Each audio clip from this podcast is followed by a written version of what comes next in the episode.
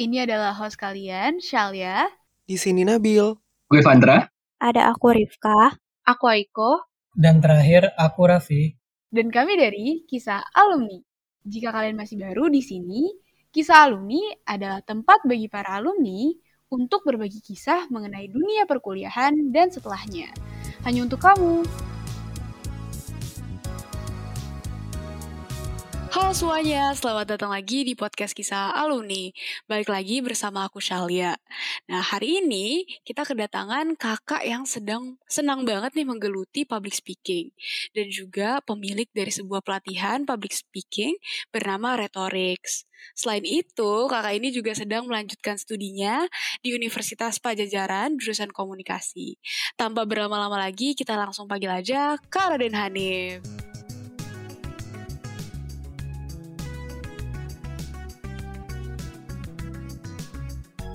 Selamat datang, Kak. Halo, apa kabar semuanya? Makasih banget nih, Kak, udah mau meluangkan waktunya berbagi bersama kisah alumni. Nah, boleh dong, Kak, diceritain gimana sih awalnya punya passion di public speaking, gimana munculnya, dan boleh juga dong diceritain kenapa sih waktu itu milihnya jurusan ilmu komunikasi. Mungkin saling berkaitan tuh atau mungkin enggak Hmm, juga. iya, iya. Iya. Oke, oke. Awalnya sih aku coba-coba ya. Awalnya dulu tuh waktu kelas 4 SD ada lomba pidato. Pidato ini sekelurahan Oke. waktu itu. Cuman dari aku kan di NF juga SD-nya gitu ya. Jadi dari eh, SD NF tuh nggak ada perwakilan dulu tuh. Pas karena Oke. dulu badanku paling besar, badanku paling besar gitu ya. Terus guru bilang, ah, kamu aja yang ikut, kan kamu paling besar di sini. Apa hubungannya bu? Badan besar sama bisa ngomong gitu kan. Awalnya sih Iya. rada skeptis. Terus ya udahlah, coba dicobain dulu. Join, akhirnya juara satu di situ tuh. Akhirnya, wah udah mulai sadar nih, kayaknya kayaknya gue boleh juga nih jago ngomong gitu kan dari kelas Iya. 4 gitu kan Udah terus mencicipi. la- mencicipi bener banget Iya. terus Oke. naik ke SMP nih SMP lebih sering MC moderator gitu sih MC moderator di kajian-kajian terus juga aku tuh kelas 2 SMP disuruh jadi khotib Jumat sama guru di SMP gitu jadi Oke. ya itu pengalaman yang luar biasa sih gitu kan mulai dari Iya. sana tuh eh, show up show up show up. Di SMA udah keterusan. Jadi ya mungkin udah ke branding kali ya gitu. Jadi Iya. ya udah udah orang tuh udah tahu oh Raden Hanif nih misalnya oh MC pembicara gitu gitu. Ya udah dari situ sih dari SMP dari SMA udah mulai eh, ke situ. Makanya milih jurusan kuliahnya komunikasi juga. Padahal waktu itu sebenarnya orang tua nyuruhnya ekonomi Islam gitu tapi Oh, gitu, ah oke. enggak ekonomi susah lah gitu makin Hmm. kelas 12 tuh nilai Iya. ekonomiku juga kok makin perosotan gitu ah kayaknya nggak passion deh ekonomi deh susah susah ya udahlah Iya. komunikasi aja gitu emang dari situ mulainya Oke. Nah, kalau untuk jur oh jurusan komunikasi ini justru awalnya gak didukung oleh orang tua ya, Kak. Tapi karena Betul. udah terbiasa nih kayak kayaknya passion deh gitu kan berkomunikasi dengan orang lain, terus habis itu udah terbiasa public speaking dan jadinya percaya diri dengan Mm-mm. itu ya, Kak. iya bener Oke. banget Nah, boleh juga dong Kak berbagi nih. Apa sih hobi Kak Raden gitu kan? Adakah role modelnya Hmm. gitu kan? Atau figur inspirasional yang akhirnya apa ya mempengaruhi pilihan-pilihan Kakak pada saat Hmm. ini gitu. Iya, role model ada ya. Mungkin kalau Shelia ke Jakarta Selatan itu ada Menara 165 atau Iya. ISQ gitu ya, yang yang ada Allahnya tuh. Iya, Itu heeh. orang eh, itu yang motivasi nangis-nangis gitu. Lo ingat lah di depan rumahmu ada bendera kuning. Iya, bendera partai tahunnya Oke. Gitu. Aku mulai ngefans sama Pak Ari Ginanjar namanya. Itu beliau founder Pak dari Ari Menara 165, Pak Ari Ginanjar. Itu role Oke. modelku banget. Terus juga apa namanya?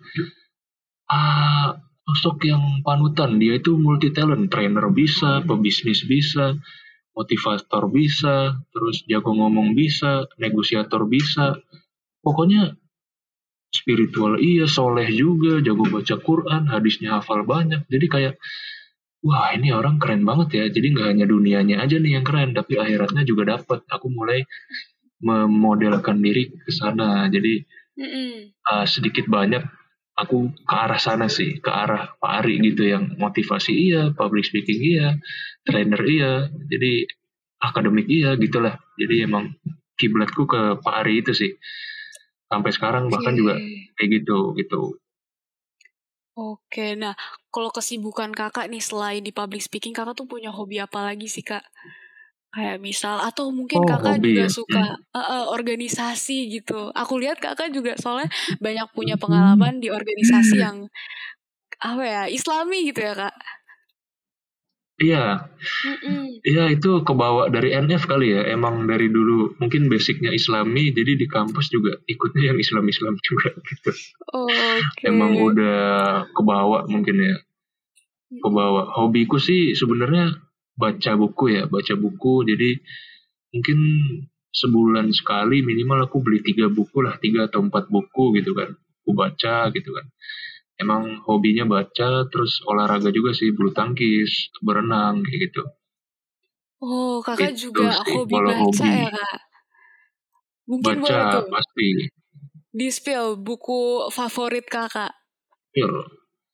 Iya, sekarang ya, so... lagi mungkin gimana ya mungkin buku yang ku baca tuh mungkin sebagian orang tahu sebagian orang nggak tahu gitu kali ya. Aku tuh sekarang lagi bu baca buku quantum learning sama quantum teaching gitu. Bukan quantum kompor ya bukan merek Apa kompor quantum tapi quantum learning itu adalah gimana cara kita belajar efektif belajar efektif dan kita itu tahu esensi kita itu belajar apa gitu. Jadi kita dididik untuk menjadi lifelong learner apa long life learner gitu sih. Jadi setiap guru ada setiap orang adalah guru setiap tempat adalah sekolah dan setiap detik adalah kesempatan kita untuk berubah jadi lebih baik. Itu sih uh, inti dari quantum learning itu. Jadi di mana pun kita bisa belajar. Nggak hanya di sekolah sekolah mah formal gitu kan. Sekolah yeah. belajar juga cuman di luar itu kita bisa belajar dari siapa pun dari orang yang lebih muda dari yang yang lebih tua dari lingkungan sekitar. Jadi perspektif cara kita memandang belajar tuh jadi lebih luas. Nggak hanya sekolah PR UB UTS UAS enggak itu itu sempit sekali gitu. Jadi itu. Okay. Kalau quantum teaching karena kebetulan aku trainer kan, jadi lebih cara bagaimana psikologi audiens, memanage sebuah training, mem, uh, bagaimana mix and match antara materi dan kebutuhan audiens gitu sih. Itu jadi quantum learning tuh cara kita mengelola sebuah training lah gitu. Eh sorry, quantum teaching sorry. Ya. Oke. Okay. Gitu. Ber Berarti selain kakak ini suka ngomong gitu kan ya, public speaking, tapi kakak juga suka membaca hmm. gitu ya. Karena aku pernah dengar kak, bener gak sih kak kayak hmm. kalau misalnya rajin baca nih, pasti jadi jago ngomong gitu. Benar kah itu? Betul, karena uh, benar banget. Karena gini, pembicara itu dia itu dinilai dari kualitas intelektualnya kan apa yang keluar dari mulut kita itu yang ada di otak kita gitu. Kalau yang keluar dari mulut kita daging-daging semua ya otomatis bacaan kita daging juga dong kan gitu. Kalau yeah. keluar dari mulut kita sampah ya bacaan kita sampah juga dong berarti kan kan itu logika dasar kan gitu. Jadi apa yang kita baca itulah yang kita bagi ke orang lain gitu. Jadi semakin baik kualitas bacaan kita, semakin baik pula hal yang bisa bagikan ke orang lain gitu. Nah, tuh teman-teman yang gitu. pengen jago public speaking nih udah dikasih tahu tipsnya sama Kak Radin nih salah satunya untuk banyak baca supaya omongannya jadi banyak yang bermanfaat gitu. Oke. Okay. Iya betul. Nah Kak, aku dengar-dengar nih Kak hmm. dari sumber yang aku ketahui. Hmm. Enggak sih sebenarnya nggak dengar-dengar. Aku lihat dari Instagram Kakak nih. kakak baru aja uh, keterima. Yeah fast track mm -hmm. S2 di jurusan komunikasi yeah. lagi nih. Kira-kira iya, apa sih Kak alasannya dan kenapa Kak Raden uh, mau pelajari ilmu komunikasi lagi gitu di S2? Kenapa nggak di jurusan lainnya gitu? Adakah alasan tertentu? Uh, iya, sebenarnya alasan kenapa ngambil S2 lagi karena momentum sih. Jadi ada program fast track namanya di kampus Unpad itu. Jadi kita masih skripsi tapi udah bisa kuliah S2 gitu. Itu yeah. aku lihat sebagai opportunity gitu kan. Ah, kapan lagi gitu daripada buang-buang umur kan usia tuh bertambah terus ya. Kita nggak tahu kapan momentum yang hadir lagi. Ya udahlah ambil aja mumpung ada kesempatan uh, fast track S2 dengan jurusan yang sama uh, itu sebagai motivasiku juga karena kebanyakan referensiku tuh orang-orang yang udah kerja gitu Shell ya kayak misalnya ada orang okay. yang udah menjabat misalnya direktur direktur perusahaan tapi dia masih yeah. S1 dia menyesal mau nggak S2 dari dulu karena memilih untuk nikah dulu punya anak kerja sehingga nggak punya waktu untuk menambah gelar gitu. Padahal kan kita di Indonesia ini gelar itu masih menjadi satu hal yang prestis gitu kan. Kayak misalnya iya. pencal pencalonan apa gitu. Yang dipilih pasti yang paling banyak gelarnya deh. Believe it or not ya itu masih jadi budaya kita. Jadi ya udahlah iya. mumpung masih ada waktu masih ada umur masih ada jiwa mudanya ya udahlah kita sikat aja uh, eh, S2 ini gitu. Walaupun ya deg-degan juga sih bisa ngejalanin atau enggak. Karena kan sambil skripsi gitu ya tapi kita coba do the best aja gitu Oke, jadi menjadikan prioritas itu selagi bisa ya Kak, selagi masih ada waktunya nih sebelum ada prioritas-prioritas lain yang datang menghampiri. Betul. Oke. Nah, Iya, berarti betul. itu programnya memang kayak hanya untuk sejalur gitu kayak di jurusan yang sama, fast track-nya gitu atau gimana tuh Kak? Mhm. Atau sebenarnya bisa memilih? Sebenarnya kalau di komunikasi Unpad itu harus linear sih, Syal ya. Jadi kita komunikasi Oh, harus oke. komunikasi lagi. Tapi Hmm. bisa juga ke jurusan lain, cuman setauku ada semacam tes basic test gitu karena kan beda rumpun keilmuan ya. Iya. Jadi memang agak uh, it's more kompleks gitu. Jadi memang diprioritaskan untuk yang se sejurusan atau sejalur gitu. Jadi ya udah nggak apa-apa komunikasi lagi. Karena aku berprinsip gini um, kita tuh kalau mau dikenal orang harus punya satu expertise gitu ya. Misalnya expertise. kalau expertise kalau kita lihat misalnya kita bilang nama uh, misalnya siapa ya Pak Tung Desa Muaringin deh itu seorang bisnismen. Oh dia bisnismen. Kita bilang Mario Teguh oh motivator gitu oh kalau kita bilang misalnya eh siapa? Misalnya Pak Ari Ginanjar oh trainer gitu. Nah aku tuh pengen ketika orang siapa sih Raden Hanif gitu. Nah aku tuh pengen dibilang sebagai ya mungkin sebagai oh dia yang jago komunikasi ya yang uh, ahli public speaking gitu ya gitu. Jadi aku konsennya di sana sih. Jadi emang harus punya satu expertise yang itu aku tuh expert banget di sana dan bidangku adalah komunikasi gitu. Jadi uh, itu penting untuk personal branding juga sih pertama personal okay. branding ya untuk nebarin manfaat juga dengan ilmu yang aku suka gitu mm-hmm. yang penting kuncinya expertise itu sih iya karena itu apa ya hmm. jadi indikator kredibilitas juga ya kak gimana pun betul Okay. Betul, betul, betul. Nah, udah dulu nih kita bahas akademik ya. Sekarang aku pengen oh, bertanya-tanya tentang perjalanan kakak di public speaking. Hmm. Nah kak, iya, iya, iya. gimana sih awal atau um, apa ya tujuan kakak yang awalnya tuh gimana sih harapan awal kak Raden tuh saat membangun retorik mm -hmm. tuh apa? Kira-kira udah ada bedanya nggak sih sama harapan atau tujuan yang sekarang untuk retorik? Apa udah berbeda harapan atau udah berbeda tujuan sekarang? Boleh diceritain dari awal sampai sekarang. Oh, awal banget ya. Jadi yeah. awalnya itu emang Retorix berdiri itu karena tiga orang founder aku sama dua temanku punya satu kesamaan di bidang public speaking gitu. Kalau aku sebagai trainer waktu itu, temanku satu lagi sebagai MC nasional, satu lagi dia sebagai moderator gitu. Wah, pas banget yeah. nih kita punya iris-irisan skill yang sama-sama di bidang public speaking gitu. Akhirnya kita bikin lah satu apa namanya satu geng gitu terus kita dah daripada kita ngumpul-ngumpul doang nih mumpung waktu itu di mahasiswa tuh ada event namanya program kreativitas mahasiswa. Itu dari Kemendikbud. Akhirnya kita ikut uh, event itu kita ideasi bareng-bareng kita kita jual ide kita dan lahirlah nama Retorix gitu. Jadi kita juga nge-hire orang dari akuntansi kita bikin prospek bisnis ke depannya gimana dan segala macam terus kita juga ikut kompetisi bisnis mahasiswa Indonesia itu dari Kemendikbud juga. Kita ikut dua kompetisi langsung dan alhamdulillah lolos didanai Kemendikbud. Ah kita dapat uang hampir sekitar 20 juta kali waktu itu ya dari pemerintah. Gitu. Kita didanai untuk pengembangan bisnis gitu ya.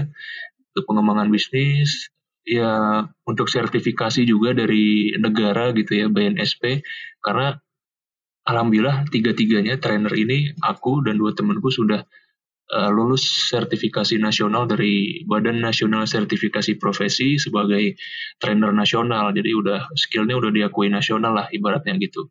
Dengan yeah. adanya sertifikasi itu gitu. Itu awalnya okay. jaya berjaya sih di di di kampus di di kampus-kampus lain di internal kampus. Tapi sekarang memang lagi vakum dulu karena uh, orang-orangnya lagi sibuk skripsi semua. Okay. gitu. Jadi lagi break dulu lah ibaratnya gitu. Hmm, oke okay, kak. Gitu. Nah tadi tuh udah udah diceritain juga tuh sama kak Hanif kan tentang perjalanannya membangun retorix. Hmm. Nah tapi untuk secara personal nih kak, hmm. Gimana sih kakak tuh biasanya belajar menyesuaikan gaya bahasa dengan audiens? Terus gimana juga sumber dari mana juga sumber riset kakak? Kalau misalnya hmm. mau public speaking gitu sebelumnya apa aja sih yang kakak riset gitu dan kira-kira ada nggak sih kak fast tracknya untuk supaya percepatan gitu saat belajar public speaking karena kan oh, kayak iya, iya, iya. ada banget nih jargon kayak misalnya jam terbang itu penting jam terbang itu penting tapi hmm. apakah kakak merasa hmm. sebenarnya ada loh fast track kayak gitu gimana sih caranya mungkin Iya iya iya. Yeah. Uh, jadi kalau fast track di bidang public speaking itu kuncinya satu sih banyak tampil banyak tampil banyak karena di, ketika kita banyak tampil ketika kita banyak ngomong di depan kita jadi punya feelnya dan kita bisa menyesuaikan gaya bahasa kita ke audiens kayak aku udah otomatis misalnya gaya bahasaku ngomong di depan mahasiswa sama gaya bahasaku ngomong di depan anak SMA misalnya itu pasti beda okay. gitu. Anak SMA pasti lebih lebih kalem, lebih santai, lebih bahasa jaksel mungkin ya. Kalau yeah. anak kuliahan ya sama, sama juga sih, cuman lebih resmi dikit lah kan mereka akademisi gitu. Sama dosen yeah. beda. Itu itu bisa kita perkaya gaya bahasa itu dengan sering tampil gitu. Ini kayak podcast ini juga bagus nih. Mungkin Shalia nanti masa depannya bisa jadi pembicara juga gitu kan atau jadi MC moderator yang secara otomatis udah menyesuaikan gaya bahasanya gitu. Itu Amin. dimulai dari uh, apa namanya? Semua dimulai dari jam terbang. Semakin sering kita tampil, semakin sering kita show up, itu mengasah feel kita sih. Oke, hmm. jadi jam terbang itu tetap, tetap penting banget ya kak walaupun gimana pun gak ada yang namanya instan instan aja gitu Nge ngebaca buku terus langsung jago itu kayaknya mustahil ya kak Enggak, enggak mungkin bisa karena public speaking yeah. itu ilmu praktek. Jadi kalau cuma baca buku doang itu enggak. Aku jamin enggak bakal bisa gitu. Serajin apa pun baca tanpa praktek it's nothing gitu. Tapi sesedikit apa pun kita baca, kalau kita rajin praktek itu that's everything karena ilmu itu adalah yang kita aplikasikan gitu. Itu okay. kuncinya di situ kalau public speaking. Jadi praktek ya kak, oke deh. Nah kak, untuk ke depannya nih kak, aku penasaran gimana sih kak Raden ngelihat industri public speaking ini ke depannya gitu di masa depan. Kira-kira mm. ada nggak sih rencana kakak gitu? Rasa kayak oh ini kayaknya bakal ke sini nih tren public speaking nih gitu. Boleh dong diceritain kan iya Oke, industri public speaking sebetulnya ini lagi booming-boomingnya ya, apalagi Iya. kita tahu bahwa nanti di tahun 2035 atau 2040 Indonesia itu bakal bonus demografi yang isinya anak-anak seusia kita gini nih eh, 20 tahun, 30 tahun gitu ya, yang lahir tahun 95 sampai tahun 2012, apalagi Gen Z lagi banyak-banyaknya gitu kan otomatis itu bisa kita lihat sebagai peluang pasar gitu. Peluang pasar kita menjadikan anak muda ini jago ngomong. Karena pada kenyataannya anak muda zaman sekarang tuh mungkin masih malu-malu gitu ya. Bahkan ada risetnya gitu ya. Uh, dari Sunday Times London itu ketakutan 41% orang itu lebih takut public speaking dibandingkan takut mati gitu. Itu kan wow, itu that's a fact yeah. that uh, really gitu loh kayak masa yeah, sih gitu itu uh, ternyata separah itu ya. gitu. Uh, separah itu. Jadi kalau kita lihat dari sisi peluang pasar sebetulnya ada pasarnya ada ada peluangnya gitu ya. Cuman memang mau nggak kita ngeksekusinya gitu. Cuman yang kedua tantangannya adalah online ini. Jadi online ini orang tuh pada malas ikut webinar public speaking. Jadi kayak ah apaan sih ini? Paling prakteknya ngezoom ngezoom lagi itu tantangan kita sebagai trainer gitu. Dan diakui juga emang trafficnya agak turun ataupun uh, tingkat orang ikut training di masa pandemi ini berturun drastis. Karena ya itu mungkin pengalaman virtual ini kan jelek banget gitu ya. Jelek tuh dalam arti ya elah zoom zoom lagi gitu. Ngapain sih off cam juga bisa ditinggal pergi gitu kan. Mm-hmm. itu agak kurang. Emang tantangannya kalau industri jasa kayak gitu sih. Emang pandemi ini tantangan, tapi sekarang sih udah ada offline lagi ya, pakai prokes ketat dan segala macam. Itu jadi peluang lagi nih untuk kita trainer-trainer supaya bisa ngisi-ngisi offline gitu. Itu sih industrinya okay. ini menurutku penting karena public speaking sendiri itu dibutuhkan di mana pun dan kapan pun gitu. Karena kita setiap hari oh, ngomong sama orang, setiap hari kita diskusi, setiap hari kita rapat barangkali organisasi dan segala macam. Yang namanya kemampuan berbicara itu mutlak wajib harus bisa. Apalagi kalau anak-anak muda mau perkembangan karirnya itu cepat gitu. Karena believe it or not, biasanya orang-orang yang dipandang uh, keren gitu ya, itu adalah orang-orang yang sering ngomong atau sering show up gitu. Maka semakin sering kita okay. tampil di, di muka umum menyampaikan gagasan yang berkualitas, orang akan memandang kita, wah keren juga nih orang tuh ya.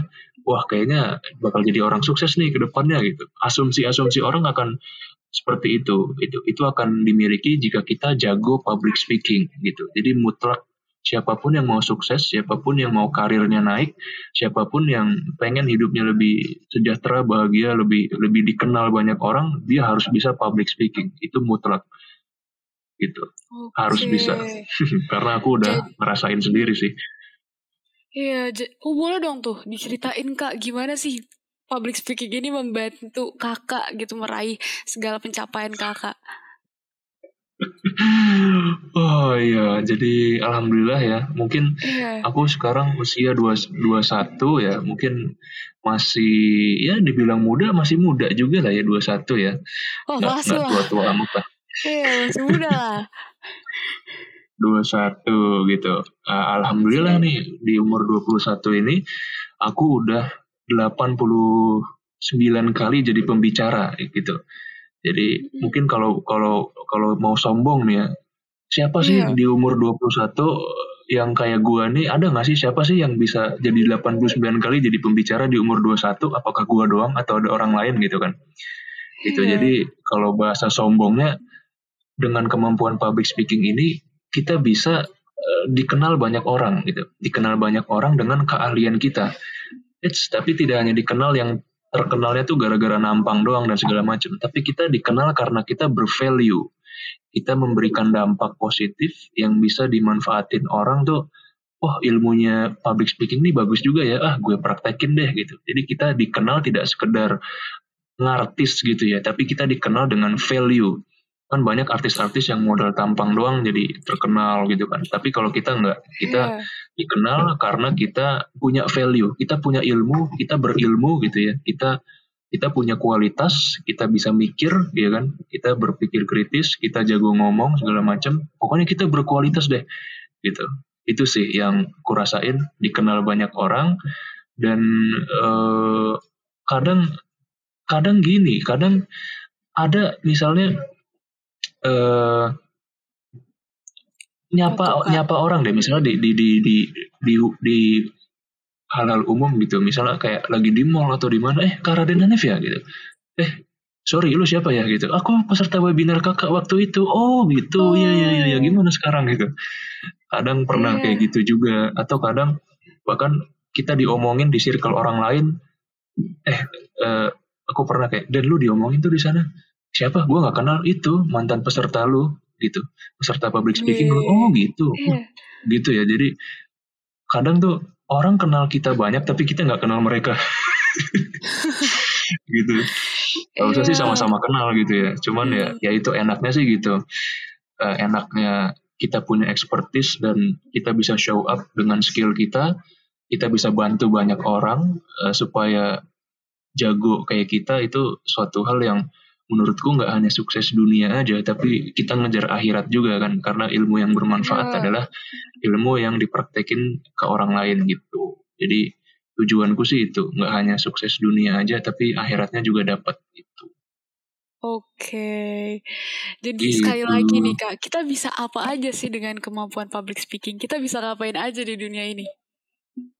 Hmm, Pertanyaanku. kita bisa kita bisa mempercepat karir mempercepat karir tuh dalam arti bisa cepat Mm-mm. naik pangkat karena Oke. biasanya orang-orang yang berkarir di kantoran atau segala macam aku pernah magang ya aku magang di perusahaan di SQ itu PT Graha 165 gitu Oke. Nah, eh, satu minggu pertama setelah aku magang, believe it or not, aku disuruh bawain training komunikasi efektif dan audiensku adalah direktur utama, kepala HRD, manajer perusahaan, Wah, sama staff iya. marketing dan padahal aku masih semester 6 waktu itu, gitu.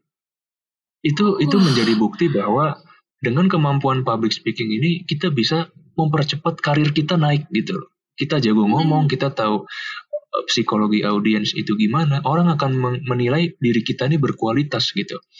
Jadi pertama karir kita bisa naik cepat karena kita punya kemampuan presentasi yang baik.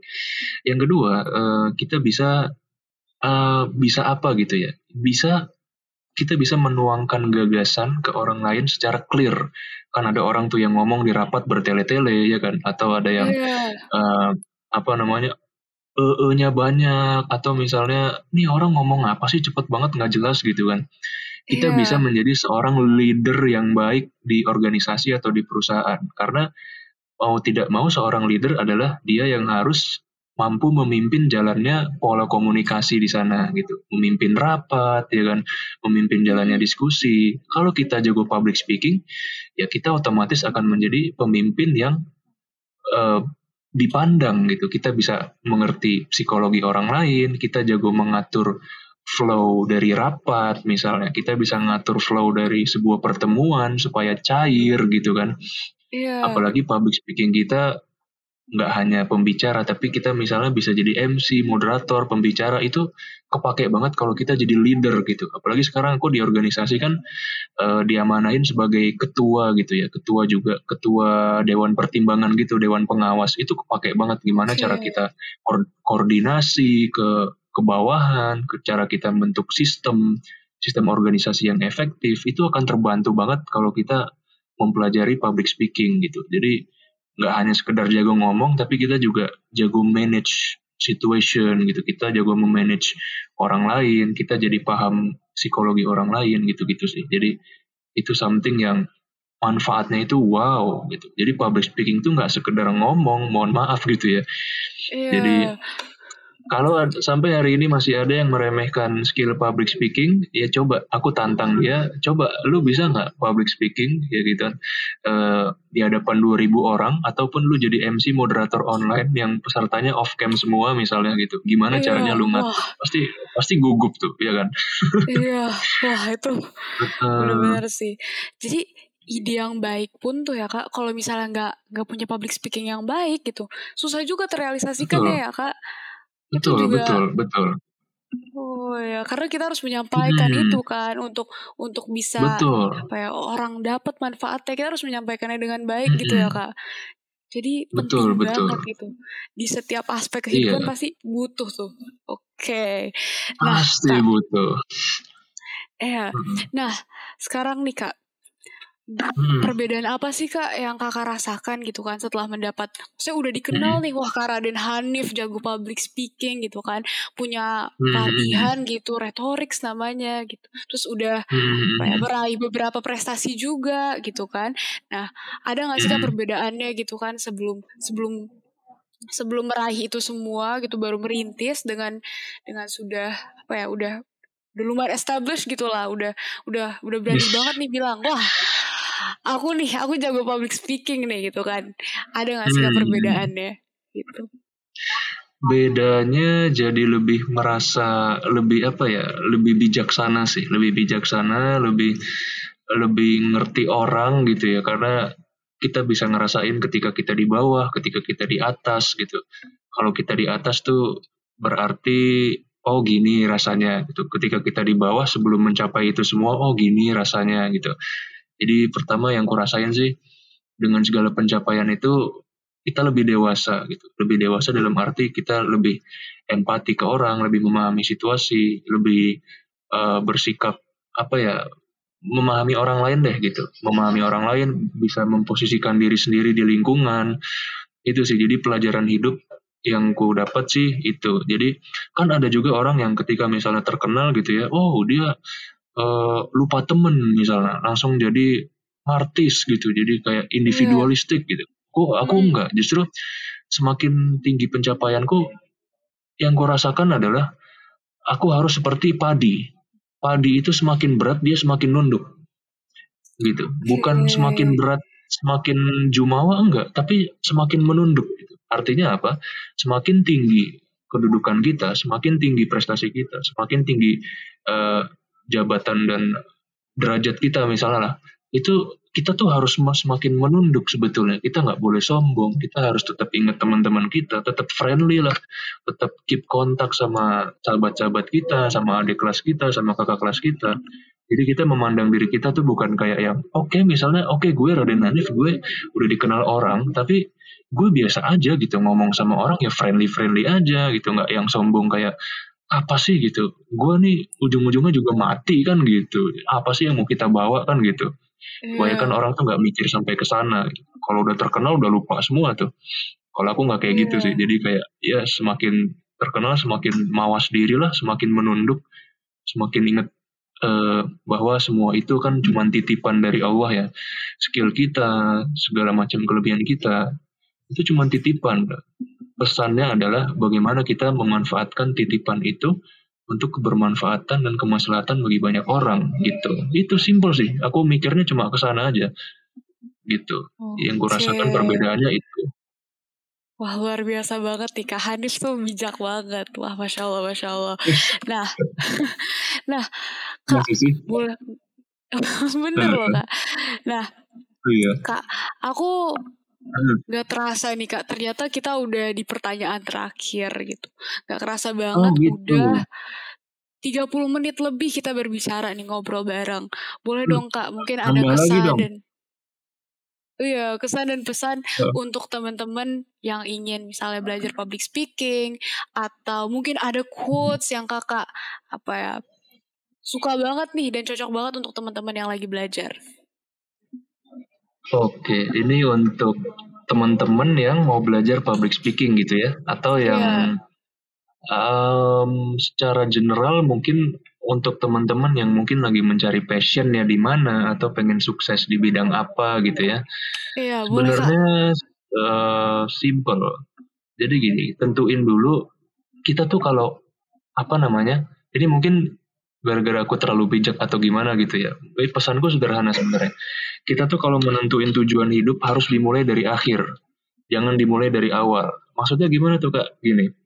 Kita lihat dulu eh, manusia itu diciptain dari tanah dan akan kembali ke tanah gitu kan. Ini agak filosofis sih tapi inilah pesanku gitu ya. Mungkin agak berat juga. Jadi kita selalu mulai tujuan hidup tuh dari akhir gitu akhir hidup manusia itu gimana sih? Pasti ujung-ujungnya kita meninggal. Ya ujung-ujungnya kalau kita di Islam percaya surga atau enggak neraka kan gitu kan. Nah, Iya. oke, kita tetapin tujuan hidup kita. Kita mau masuk surga misalnya. Oke, itu bagus. Kita tujuannya ke sana, terus kita breakdown. Oke, gue bisa masuk surga lewat jalur mana nih gitu. Jalur prestasi, jalur orang dalam, jalur Gaza atau jalur apa nih kan gitu kan. Lewat Iya. jalur-jalurnya banyak. Kita breakdown kelebihan apa yang kita punya gitu ya atau kelebihan apa yang kita punya sebagai passion kita yang itu bisa membawa kita menuju surga gitu. Oke, misalnya kita jago public speaking, kita mau berkarya di bidang public speaking misalnya. Kita mau berkarya sebagai MC moderator. Oke, nggak masalah. Apakah pertanyaannya, apakah dengan kita jadi MC moderator itu bisa membawa kita menuju surga? Oh, tentu saja bisa. Kita niatkan itu sebagai ibadah. Dengan kehadiran kita di forum itu, artinya forum itu akan menjadi lancar dengan kehadiran kita sebagai MC, moderator, atau sebagai pembicara. Orang lain akan mendapatkan manfaatnya. Kita niatnya ke sana. Gitu. Karena setiap dalam hal dalam Islam ini kan uh, amazing gitu ya. Segala hal tuh bisa jadi ibadah atau tergantung niatnya. Innamal a'malu bin niat gitu. Jadi kita mulai dari sana. Apa pun passion kita, apa pun kelebihan kita, kita harus selalu niatkan untuk kebaikan. Jago bisnis misalnya kayak Kak Salma Salwa gitu. Bisnis Iya. bisa untuk masuk surga. Oh bisa, kita membuka lapangan kerja gitu kan. Kita buka lapangan kerja nih, bisnis, ya, kita ngerekrut karyawan gitu. Orang yang kerja sama kita dapat manfaatnya gara-gara kerja sama kita misalnya. Kita kan jadi bermanfaat ke orang gitu. Bisnis bisa jadi manfaat juga, public speaking juga bisa jadi manfaatnya juga gitu. Jadi buat teman-teman yang apa pun passion di dunia ini itu bisa jadi manfaat gitu. Manfaat untuk banyak orang. Intinya adalah temukan dulu tujuan hidup kita. Kalau udah ketemu, kita breakdown apa nih passion kita yang bisa membawa kita ke tujuan hidup kita. Itu benar-benar Shalia itu kita ngejalaninnya kalau udah dari hati, kalau udah benar-benar ngarah ke sana, itu benar-benar all out totalitas 100 bahkan 1000% gitu. Even kita yang belum punya passion sekalipun, misalnya aduh gue bingung passion kita apa, caranya adalah kita coba segala hal dulu. Misalnya ikut ekskul A, B, C, D.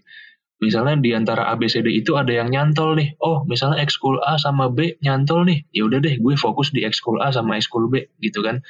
Oh, dari ekskul A sama ekskul B nih kita bisa kita rasa oh ini cocok nih sama diri gue nih. Gue bisa berkembang di sini. Misalnya ekskul fotografi misalnya. Wah, keren juga nih ya.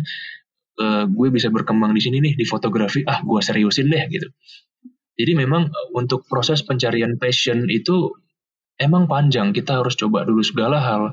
Kita harus trial and error untuk dapat yang kliknya kita banget tuh. Untuk dapat yang ini gue banget nih. Itu emang butuh proses gitu.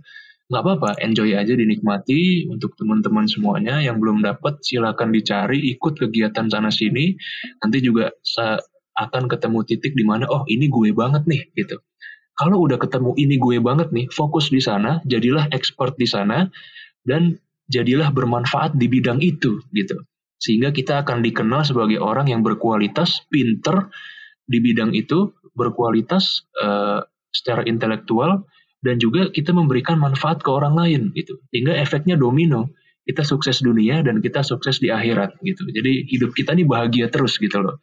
Jadi kayak, wah oke, okay, kita udah nemu tujuan hidup kita, udah nemu passion kita di mana, dan udah nemu manfaat apa yang bisa kita kasih ke orang. Itu itu itu bahagia banget hidup kalau udah kayak gitu gitu. Karena sejatinya hidup itu bukan apa yang kita dapat, tapi hidup itu adalah apa yang kita berikan ke orang lain sehingga mereka menjadi senang atas kehadiran kita gitu. Itulah esensi manusia yang bervalue, yang bermanfaat dunia akhirat gitu. Itulah definisi manusia yang uh, berkualitas. It's a very high quality person. Itulah versi diriku. Jadi kayak gitu, gitu. Oke, sekali lagi keren banget nih Kak Hanif udah berbagi banyak banget hal menginspirasi juga untuk bisa bermanfaat ke orang banyak ya Kak. Jadi ilmunya nggak untuk kita sendiri atau pencapaian itu nggak untuk kita Betul. sendiri tapi bisa bermanfaat dan jadi apa ya uh, pemberat amalan kita juga ya Kak. Betul, Oke. betul, betul. Itu yang sering orang lupa itu soalnya Shell ya. Eh, karena kadang orang tuh mikir kesuksesan dirinya sendiri. Oke, gue sukses, gue kaya, gue tajir. Tapi apa dampak yang dia berikan ke orang lain gitu? Apa kan orang tuh akan dikenang sesuai dengan kontribusinya gitu ya. Makanya kenapa ada orang wafat yang melayat banyak misalnya atau kenapa ada orang yang uh, followernya itu pengikutnya banyak ya karena dia memberikan sumbangsih ke orang lain gitu. Jadi apa pun posisi kita saat ini, mau sebagai siswa, mau sebagai anggota ekskul, atau sebagai podcaster kayak gini, lihat kita adalah gimana caranya memberikan value atau manfaat seluas-luasnya ke orang lain. Itu sih. Dan juga diniatkan untuk ibadah. Karena rata-rata orang lupa akan hal itu. Terlalu terperdaya duniawi gitu. Jadi kita nggak boleh lupa juga akhiratnya gitu. Apalagi alumni NF kan. Harus okay. sukses bersama Allah kan gitu. Asik. Udah yeah. enak banget gue ya. Enggak kak. Gitulah Oke. Okay. Seru banget ya pastinya hari ini ngobrol ya. Apalagi untuk teman-teman yang juga pengen nih berkarir mirip-mirip sama Kak Raden Hanif. Pastinya bakal bisa belajar banyak dari sini. Nah, kalau teman-teman merasa podcast ini bermanfaat, boleh banget nih di-share ke sosial media kalian. Supaya manfaatnya nggak cuma berhenti di kamu, tapi yang lainnya juga bisa. Nah, yang mau kepoin Instagram kita boleh banget cek di at kisah alumni karena kita bakal update tentang podcast-podcast berikutnya. Dan juga bisa cek nih untuk mau belajar lebih lanjut tentang public speaking di Instagramnya Kak Raden Hanif apa tuh Kak? At Raden Hanif ya Kak? Iya betul, yeah. double F Raden Hanif ya. Oke, nah bisa banget tuh dicek. Dan kalau misalnya kalian mau kayak belajar tentang public speaking lebih lanjut lagi bisa juga tuh ikutin retorik ya guys. Nah itu aja bincang-bincang hari ini dari kisah alumni. Aku Shalia bersama Kak Raden Hanif. Kami pamit undur diri. Iyo. Sampai jumpa di episode selanjutnya. Dadah. Assalamualaikum. Dadah.